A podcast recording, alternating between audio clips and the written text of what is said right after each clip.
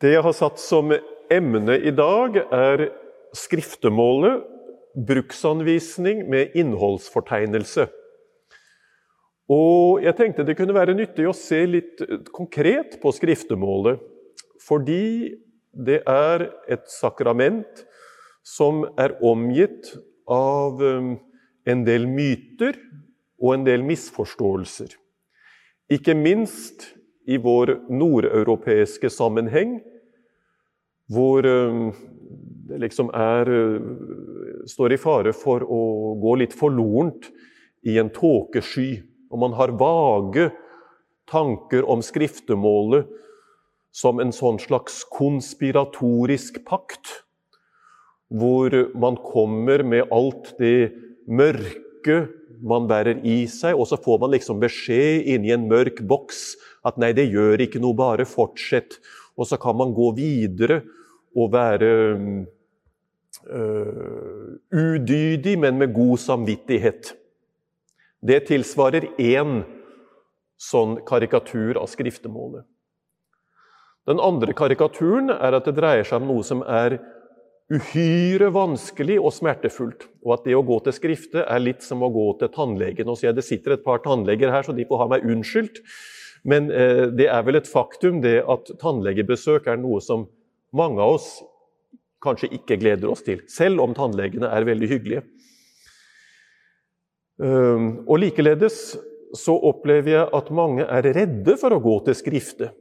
Um, fordi, Jeg vet ikke helt hvorfor, men ofte så er det vel fordi man er redd for at hvis det skulle dukke opp noen uh, betente nerver, så vil det gjøre for vondt hvis det blir trykket på dem.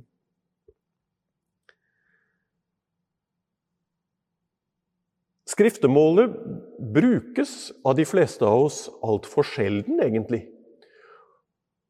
Og jeg tenker ofte, altså Hvis folk visste for en skatt det er å kunne gå regelmessig og gjøre et oppgjør med seg selv foran Vår Herre, og å høre de forløsende ord 'Din synd er deg tilgitt', og våge å tro med Kirkens tro at det ikke bare er en tom formel, men noe som faktisk er sant.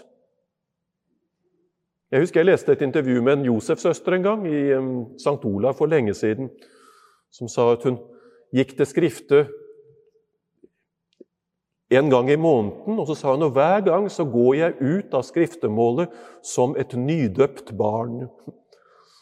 Og det å høre en gammel dame for det, jeg tror kanskje det var, rett og, det var også kanskje det var Enes nekrolog at det ble sitert. Men som frukten av en lang erfaring gjennom et helt liv, si det, gjør stort inntrykk. Og det kan jeg si av egen erfaring også. Altså jeg prøver selv å gå til Skriftet regelmessig. Og det tror jeg er en forutsetning for oss som prester, som har det enorme privilegium å høre andre skriftemål, at vi selv regelmessig skrifter. Men hver gang så tenker jeg gudskjelov at dette her er mulig. Og som prest så har man nesten ikke noe større privilegium enn å kunne si med Vår Herres autoritet og i Hans sted din synd er deg tilgitt. Og Det er en av de elementene ved det kristne liv som gir oss muligheten virkelig til å oppleve noe av evangeliets realisme og frigjørende drama som i dagliglaget.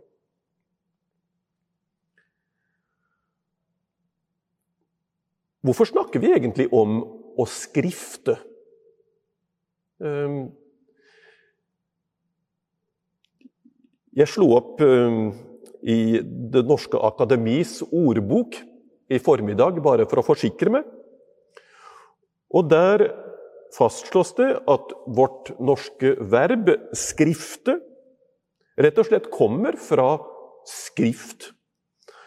I betydningen en nedskrevet synsbekjennelse.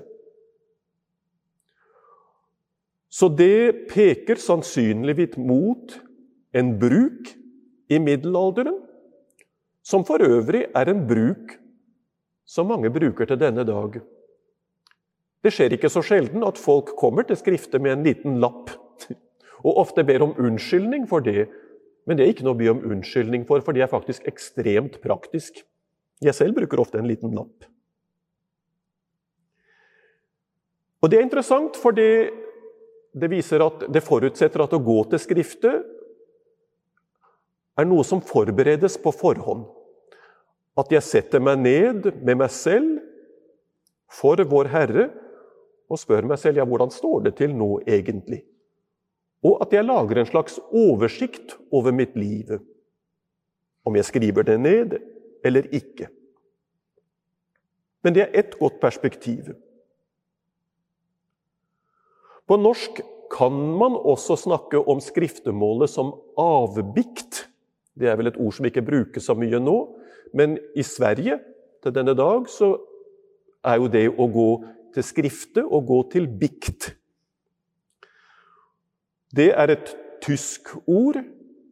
På tysk snakker man om beichte, som er en fortyskning av bekentnis. En bekjennelse.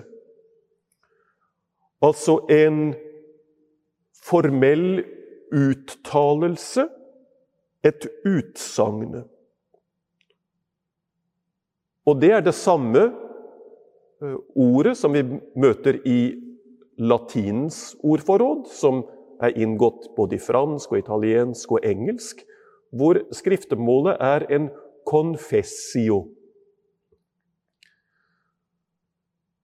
En confessio, confession, i Skriftens språk har en todelt betydning, og det er veldig viktig. Det kan være snakk om å bekjenne sin brøde, sin synd, sin overtredelse. Men det dreier seg også om å bekjenne Guds store gjerninger. Så bekjennelsen har både et botsaspekt og et takknemlighetsaspekt. Det er en slags lovsang som er implisitt i skriftemålet. Og det er fryktelig viktig, for når jeg går til Skriftet, så er det med vissheten om at så lenge jeg angrer og er sannferdig, så holder Gud sin pakt og tilgir meg. Og da merker vi at Guds tilgivelse og nåde er ikke noe som vi trenger å opptjene, men som rett og slett ber oss om å fremlegge vårt behov, som de stakkarer vi er, for å motta Hans rikdom. Så det er tre innfallsvinkler liksom, på skriftemålet ut fra rett og slett ordene vi bruker til å omtale det. Rent formelt så får vi en beskrivelse av skriftemålet i kirkeretten, i kanon 959, som sier følgende. I botens sakrament, altså i skriftemålet, oppnår de troende tilgivelse for synder som de har begått etter dåpen, for dåpen vasker bort all synd. Og de blir samtidig forsonet med Kirken som de har såret ved å synde. Det er interessant og viktig. Så vi forsones med Vår Herre, og vi forsones også med Kirken. Når de skrifter syndene for en rettmessig forrettende prest, altså en prest som har fått det oppdraget av Herren gjennom Kirken, angrer dem og setter seg fore å forbedre seg. Og denne nåden oppnår de gjennom absolusjon av samme forrettende prest. Så botens sakrament, skriftemålet, forutsetter ønske om helbredelse, anger og vilje til forbedring. Det forutsettes som en betingelse at jeg faktisk ønsker å leve et liv etter Herrens bud og etter Herrens eksempel.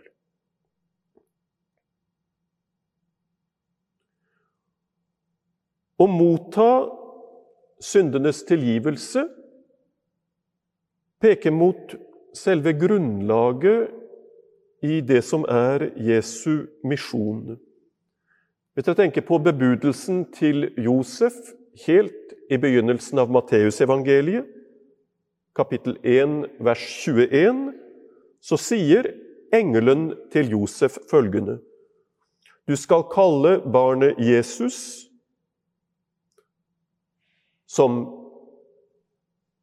på hebraisk Jehoshua betyr Gud frelser. Ikke sant? Du skal kalle ham Jesus, for det er han som skal frelse sitt folk fra deres synder. Gud ble menneske for å frelse oss fra vår synd. Så å motta botens sakrament, å motta syndenes tilgivelse, er å få del i og motta den hensikt som Guds sønn kom ved inkarnasjonen for å fullbyrde. Og Det er veldig slående gjennom Det nye testamentets epistler. Så møter vi den innstendige innbydelsen til å gjøre bruk av det tilbudet som Gud gir. Jeg tenker på særlig et vers fra 2. Korinterbrev, 2. Korinterbrev kapittel 5 vers 20, som dukker opp stadig i tidebønnene, hvor Paulus sier Vi kommer altså som Kristi sendemenn, siden det er Guds appell som lyder gjennom oss, og på Kristi vegne ber vi, la dere forlike med Gud. Så la dere forsone, benytt anledningen, tilbudet er gitt. Så når jeg bekjenner min synd, så dreier det seg ikke kun om å gjøre rettferdighet fyllest, men det dreier seg om å la meg benåde og si ja til den gave som Gud vil gi. For å oppleve hva det vil si å være helbredet og fri. Så la dere forene, la dere forlike med Gud, sier Paulus. Men som vi så, så har skriftemålet, botens sakrament, også en horisontal dimensjon. Vi så det i kirkeretten. De blir samtidig forsonet med Kirken, som de har såret ved å synde. Kirken som det horisontale fellesskap av de troende, Kirken som er Her siterer jeg fra Lumen Gentium, det annet Vatikankonsil, store konstitusjon om Kirken.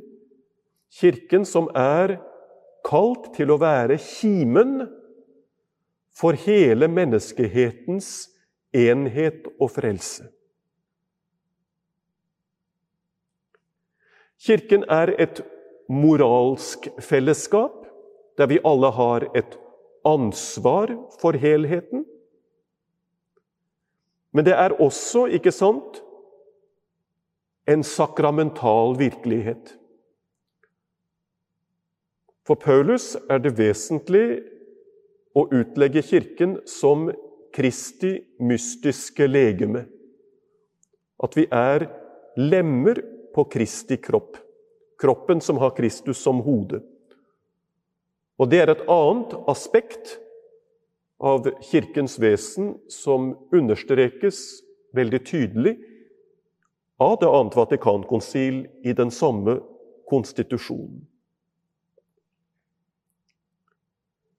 Det at et menneskes synd sårer Kirken, er noe som vi i våre dager er oss intenst bevisst vi som lever i en sammenheng hvor vi har stadig på nytt måttet konfrontere grusomme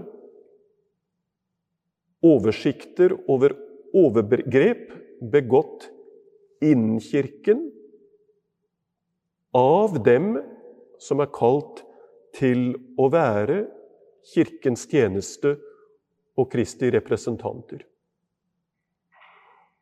Og at det er et fenomen som har etterlatt seg et dypt og åpent sår, det er noe vi er oss levende bevisst.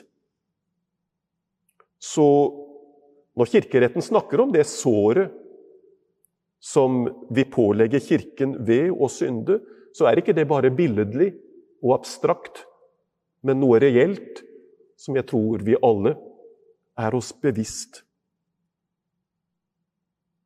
Men da skal vi også huske at Kristus kom nettopp for å lege våre sår.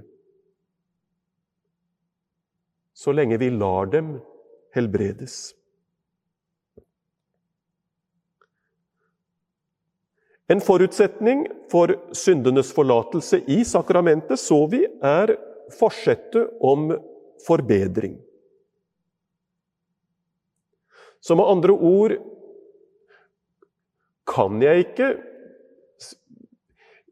gå og skrifte hvis, hvis jeg sitter fast, eller har valgt å øh, forbli i noe som er objektivt en synd, som jeg tenker å fortsette. Altså Hvis jeg er en person som regelmessig, kanskje øh, kleptomant, går og stjeler ting i butikken så kan jeg ikke gå og bekjenne det som en synd og be om tilgivelse hvis jeg på samme tid planlegger, etter å ha vært til Skrifte, å gå på Rema og stjele på nytt.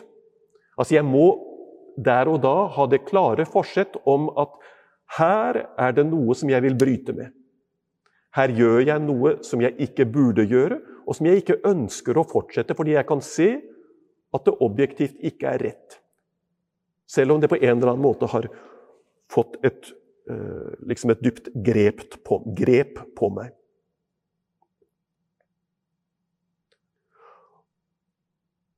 Og der er kirkeretten også. Og når jeg siterer kirkeretten heller enn katekismen, som jeg utmerket godt kunne ha sitert, og jeg vil anbefale dere å lese det som katekismen skriver om skriftemålet, som er en veldig veldig vakker og rik utlegning. Så er det rett og slett fordi kirkeretten er så til de grader konsis. Og kaller liksom en spade en spade. Og der gis det eksempler i kirkeretten på tilfeller hvor en prest ikke kan gi absolusjon til den skriftene. Hvis den skriftene f.eks har, kommer og bekjenner en falsk anklage. Sier at man i offentligheten har sagt et eller annet grusomt om en annen, som den annen er uskyldig i. Da er det en forutsetning for å motta absolusjonen at jeg først trekker den anklagen tilbake. At jeg gjør opp for meg først. Altså, Den sakramentale absolusjon er ikke magi. Den forutsetter en trofasthetspakt mellom Gud og hans folk. Og jeg, som del av Guds folk, må vise at jeg tar den pakten på alvor for å kunne be Gud om å utfylle sin rolle. Med andre ord, det dreier seg om et, et bilateralt forhold, et tosidig forhold, som i enhver pakt. Og man spøker ikke med Gud. Og vi spøker ikke med sakramentene, for det dreier seg om ekstremt alvorlige og dyrebare ting.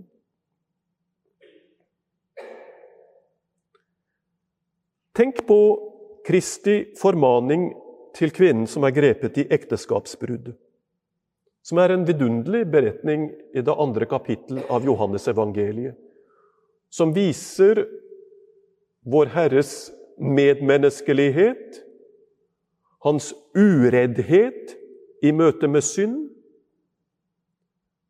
Og dere husker, når kvinnen kommer, så bruker han anledningen Ikke til å fordømme henne, men til å fordømme dem som står omkring, som vil stene henne. Ved å oppvekke deres samvittighet. Og de trekker seg tilbake én etter én. Så det er en fabelaktig, et fabelaktig eksempel på Guds miskunn og milde barmhjertighet. Men vi skal også lese beretningen til ende og huske at Guds barmhjertighet stiller fordringer, fordi den forholder seg til oss som voksne, og ikke bare som barn. Og etter å ha latt kvinnen få oppleve sin barmhjertighet, sin tilgivelse, sin ureddhet, sin varmende omfavnelse, så sier vår Herre da gå bare hjem, men fra nå av synd ikke mer.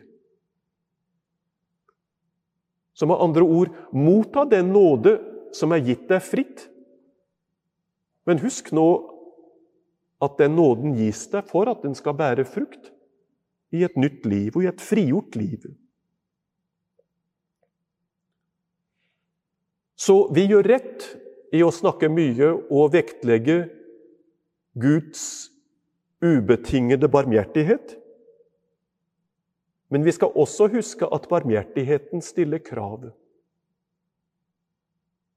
Og det er det samme i menneskelige forhold. ikke sant? Dere som har oppdratt eller oppdrar barn, vet alt om det. Så skriftemålet er en kilde til dyp fred, men er ikke i overflødig forstand beroligende. Altså Skriftemålet er ikke bare en pute som jeg kan lene meg tilbake på, men et legemiddel som er meg gitt for at jeg skal fortsette i bevegelse fremad mot et liv i Guds bilde. For husk at Guds hensikt med oss ikke bare er liksom å gjøre opp en regning, men å gjøre oss til en ny skapning i Kristus. Til å gjøre oss Kristus lik. Til å gi oss del, som det står i 2. Peters brev, i den guddommelige natur. Det er ikke mindre vi er innbudt til og kalt til. Det som er vår mulighet og vår bestemmelse som kristne, det er å vokse i Kristus i sånn grad at vi en dag vil kunne si det er ikke lenger jeg som lever, men Kristus som lever i meg. Og derved å oppdage hvem vi egentlig er i den dypeste fylde. Dette kan høres vanskelig ut, kanskje, fordringsfullt, kanskje også litt strengt, men husk at det det dreier seg om når vi søker syndenes forlatelse, er å frigjøre oss fra elementer i våre liv som binder oss fast. På mange måter frigjøre oss fra forskjellige former for avhengighet. Vi er oss bevisst, ikke minst i våre dager, hvor mange mennesker som lider av avhengighet. Altså det ser vi, altså det er noe i offentligheten man snakker om som virkelig et problem i folkehelsen. Avhengighet i forhold til stoff, i forhold til alkohol, i forhold til Internett, til gambling for noen, til pornografi for andre. Det kan være det ene med det andre. Men det kan også være mindre åpenbare, mer intime, dype ting avhengigheten av en slags bitterhet som jeg hengte meg fast i. Avhengigheten av å ville anse meg selv som et offer for andres urettferdighet. Avhengighet av sinne, kanskje. Og det Gud tilbyr oss, er frihet. Han vil sette oss fri fra det som binder oss fast, fra det som hindrer vekst. og fra det som står i veien for salighet. Og det får vi kjenne av erfaring gjennom sakramentet, hvor reell den frigjøringen er. Tenk på et vers på en veldig vakker salme av Lars Oftedal, hvor han synger 'Jeg gikk i blinde, jeg lå i døden', og mørkets fyrste holdt meg ganske fast. Da ropte jeg til min Gud i nøden. Han frelste meg, og mørkets lenker brast. Så I skriftemålet så bys vi den muligheten til å legge lenkene fra oss og til å tre ut og frem, oppreiste, frigjorte igjen fullt ut åndende mennesker.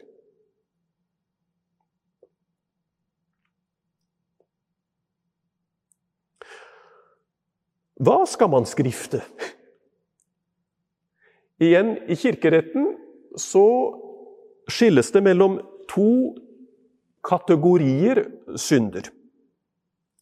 Der snakkes det på kirkens latin om peccata gravia, Gravis betyr vektig, tung, alvorlig. Og så snakkes det om peccata venialia. Venia på latin betyr tilgivelse. På engelsk snakker man i sånn katolsk diskurs om venial sin. Så det er en slags distinksjon som dras mellom den synd som holder meg nede, den vektige, den tyngende Og det, igjen der har vi det bildet av lenken. Og en synd som er en reell synd, men som, som kanskje lenker meg mindre. Tradisjonelt så har man kalt disse vektige, alvorlige syndene, peccata gravia, så har man kalt dem dødssynder. Og Det er et ord som ofte brukes, men som ofte brukes litt tilfeldig, uten at det er helt klart hva det betyr. Teologisk sett så er en dødssynd ikke en synd som gjør at jeg begår mord. Men det er en synd av en størrelsesorden som gjør at Guds liv i meg utslukkes. At jeg, liksom, at, at, at jeg jager nåden ut. Som slukker det guddommelige livet i oss. Og Derved er det et begrep som indirekte og liksom implisitt peker mot noe helt storartet og vidunderlig som jeg tror de fleste av oss ikke tenker på nok. Og det er at ved dåpens nåde så er vi blitt Den hellige ånds tempel. Det er ren Paulus. Og at Guds liv faktisk bor i oss så lenge vi selv er i en nådens tilstand, så lenge jeg selv lever i lyset, for å si det med Johannes, og ikke har latt mørket få innpass i meg i den grad at lyset synes overveldet.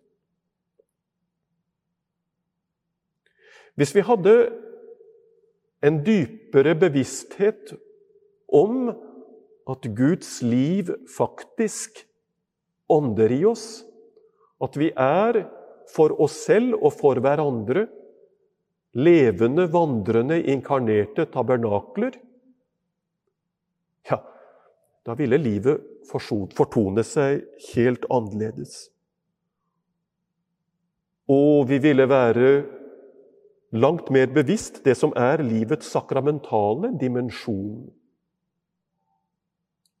At det som er inkarnasjonens store mysterium, at Gud er blitt menneske, faktisk realiseres i våre liv. Fordi Gud, Emanuel, er kommet for å være midt iblant oss, men også i oss. Og for at vi selv skal kunne bære Guds nærvær ut til hverandre.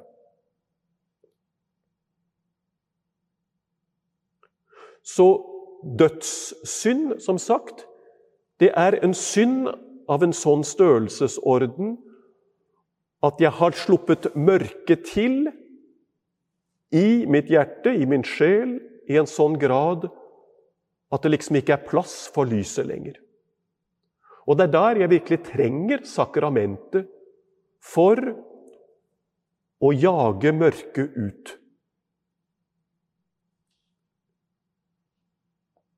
Paulus skriver til efeserne alt det som lyset skinner på, blir lys.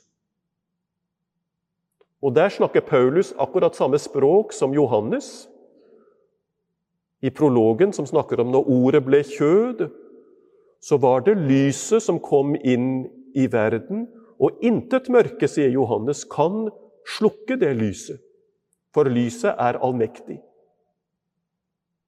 Men jeg må selv velge hva mitt eget liv angår, og la lyset skinne. Og jeg må åpne mitt mørke kammer for å slippe lyset til der.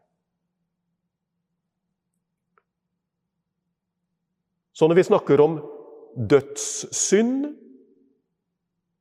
og muligheten som Herren tilbyr oss i sakramentet, som alltid er tilgjengelig, for å motta livet der hvor noe i meg er dødt, så befinner vi oss ved samme veiskille som Israels folk i 5. Mosebok, på terskelen av det lovede land, hvor Moses sier Kjære alle sammen, her er det to veier som vi kan velge å følge. Den ene er dødens vei, den ene er andre er livets vei. Selv vil jeg velge livets vei, men enhver må velge for sin egen del.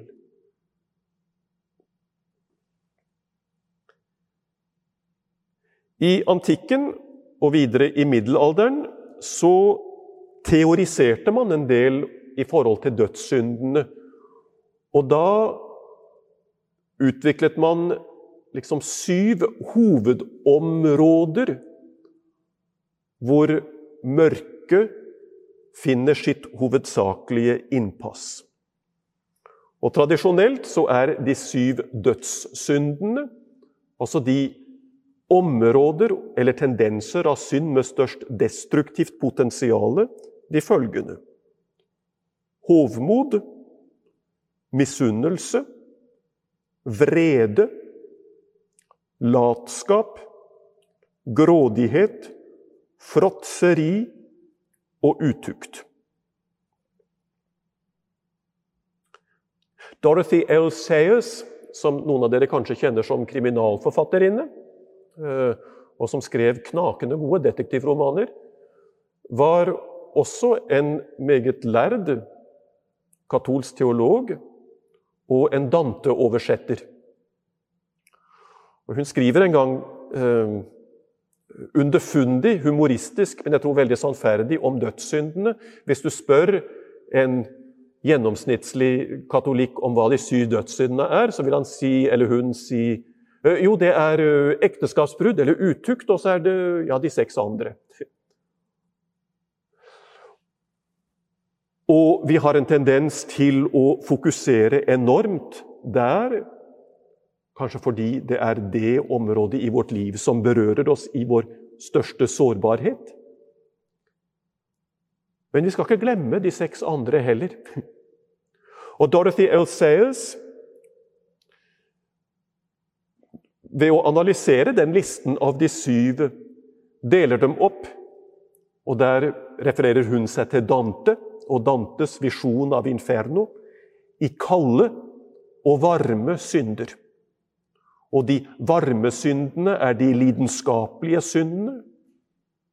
Men de kalde syndene er dem som setter oss fast i is. Og det er nemlig hovmodet, misunnelsen og vreden. Og hun sier av de syv så er de de aller frykteligste. Og Det er veldig interessant at ørkenfedrene, de første generasjoner av munker, som også, fordi de var engasjert i en kamp mot synd på egne vegne, stadig igjen kom tilbake til at som rotsynden, kjernen til all annen synd, stort sett er vreden, som så finner utpønskede og mer eller mindre perverterte uttrykt gjennom de andre lidenskapene og syndene.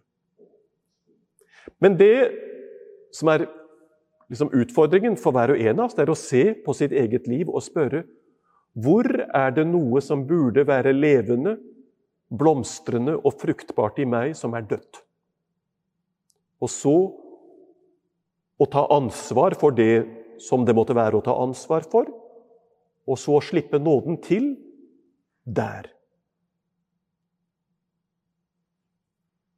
Og så vil jeg komme inn på, sånn avslutningsvis,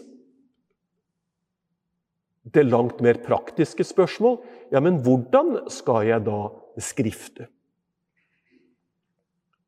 Først og fremst så forutsetter skriftemålet ønske om å motta Guds gave. Bare tenk på de store utsagn som liksom oppsummerer Kristi forkynnelse og Kristi bud til etterfølgelse i evangeliet. Omvend dere og tro på evangeliet. Hvis du kjente Guds gave, sier han til den samaritanske kvinnen ved brønnen. Hvis du visste hva det er Gud tilbyr deg, ja, da ville du motta det med åpne armer.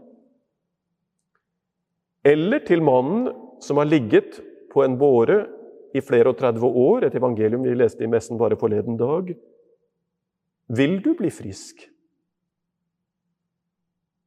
Og Det er et spørsmål som ikke er fullt så lett å besvare som vi kanskje kunne ønske oss. For altså synd, eller en en, en, slags moralsk sykdom kan bli en konstituerende del av hvem jeg er, og av min egen selvforståelse.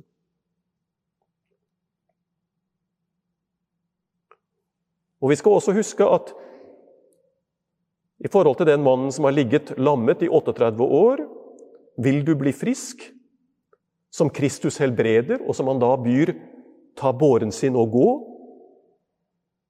Kristus møter ham igjen litt senere i Jerusalem. Og så sier han, 'Ja, nå er du blitt frisk.' Men da sier han det samme til den mannen som han sier til kvinnen som er tatt i ekteskapsbrudd. Ja, synd da ikke mer. Med andre ord, gjør god bruk av den nåden du har mottatt.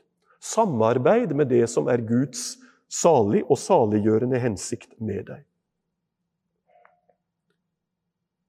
Herren fordømmer oss ikke, men Og det viser evangeliet igjen og igjen og igjen. Men han viser oss hva vår synd er.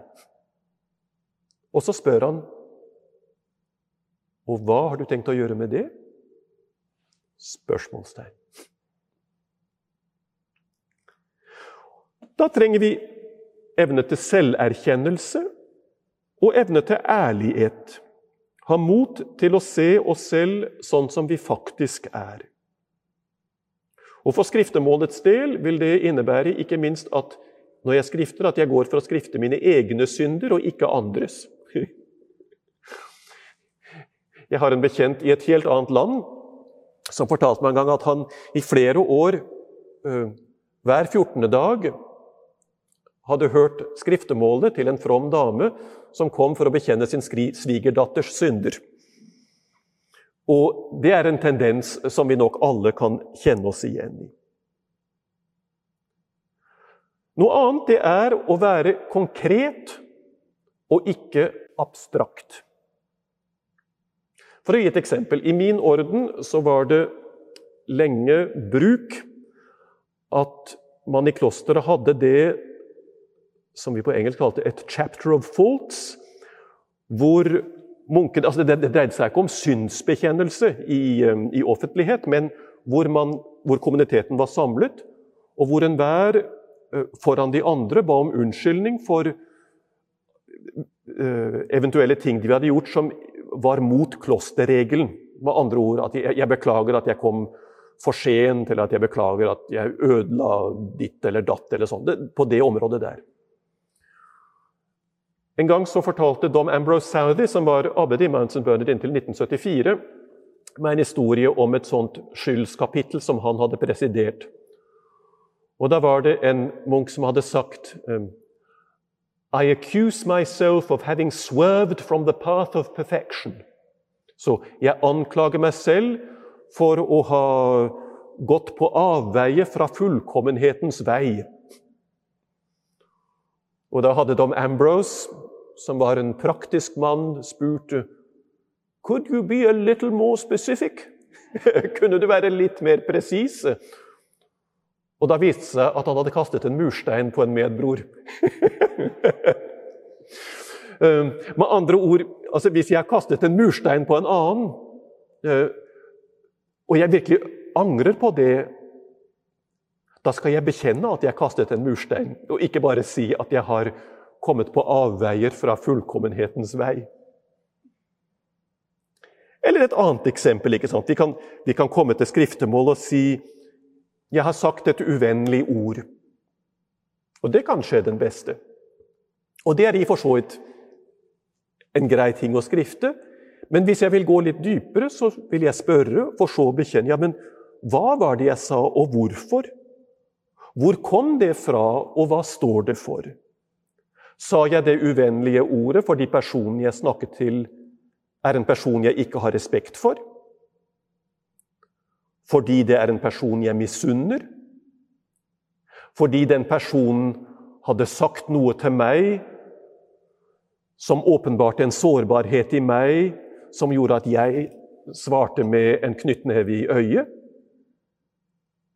Dere ser problematikken. Altså, jeg, vil du bli frisk?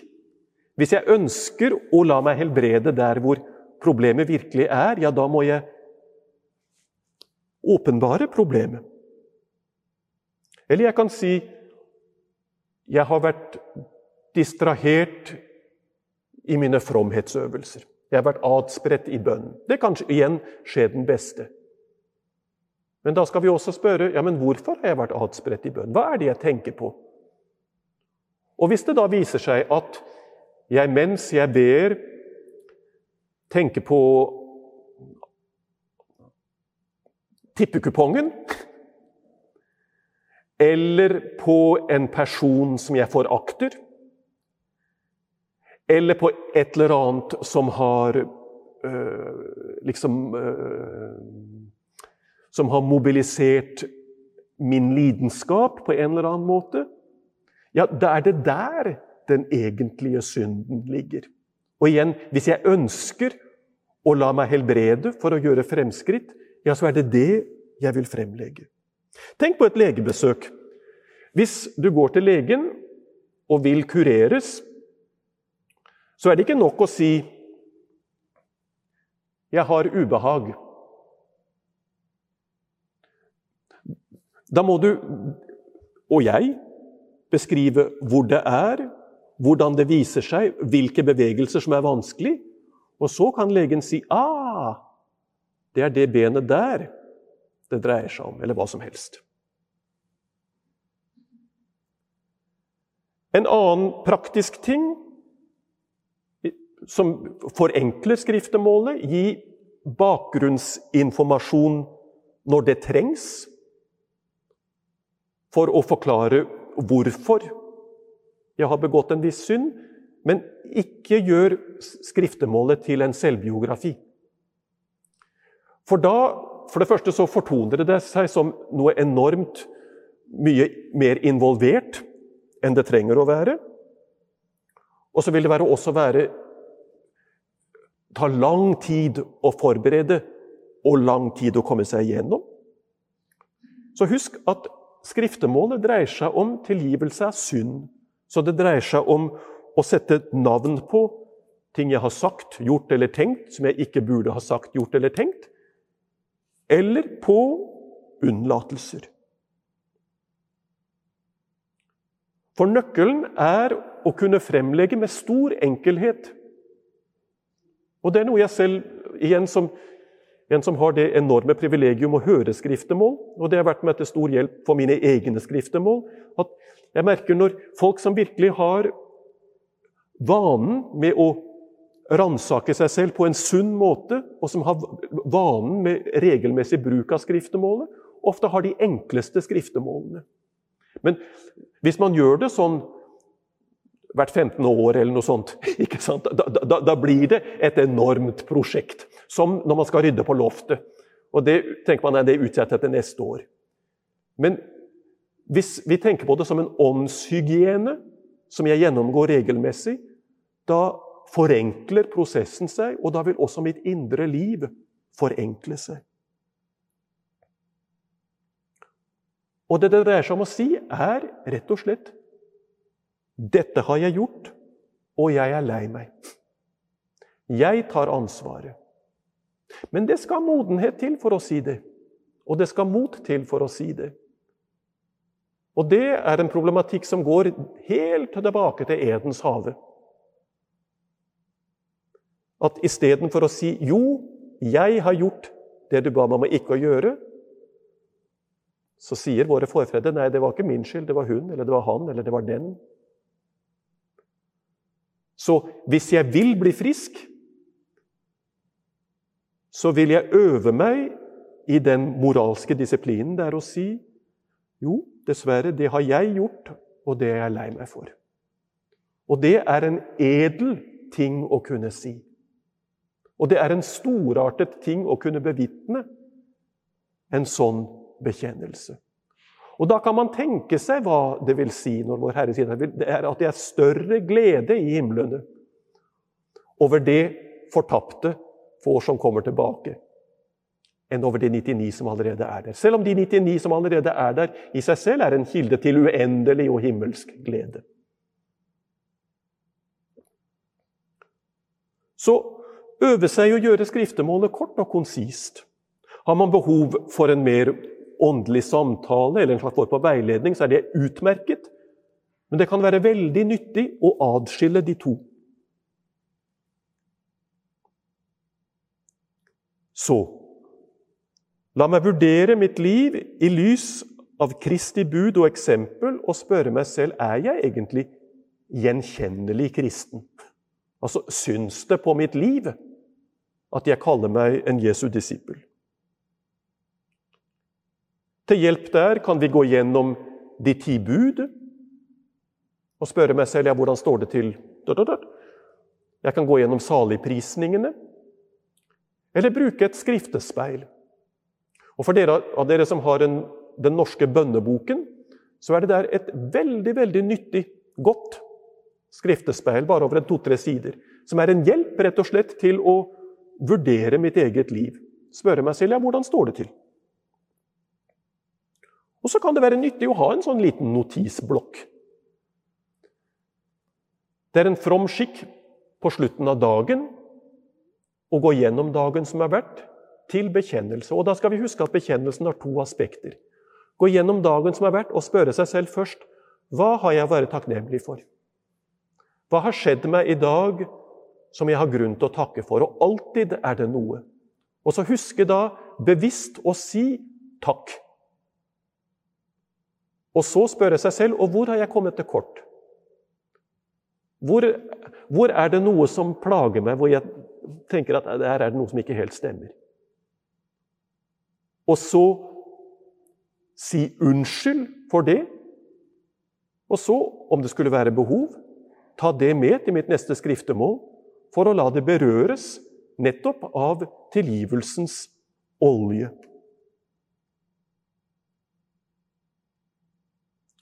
Skriftemålet bygger på vissheten om at ingenting i mitt liv ligger utenfor rekkevidden av Guds forvandlende nåde hvis jeg lar ham handle. Og hvis jeg gir slipp på de jeg kanskje tviholder på fordi jeg skammer meg, eller fordi jeg er engstelig. Så å nære den tilliten til at Gud elsker meg, og til at Gud vil helbrede meg og tilgi meg, hvis jeg vil la meg bli tilgitt og helbrede. Og husk den uhørte muligheten som ligger foran oss til virkelig å leve i Den hellige ånd. Til virkelig å kjenne Jesu Kristi nåde som en bærende, nærende, livgivende kraft i mitt eget liv. En medsøster av meg i Italia sa til meg en gang noe som har vært meg til stor hjelp. Hun sa husk, skriftemålet er ikke bare et botens sakrament, et tilgivelsens sakrament. Det er også et forvandlende sakrament. Amen.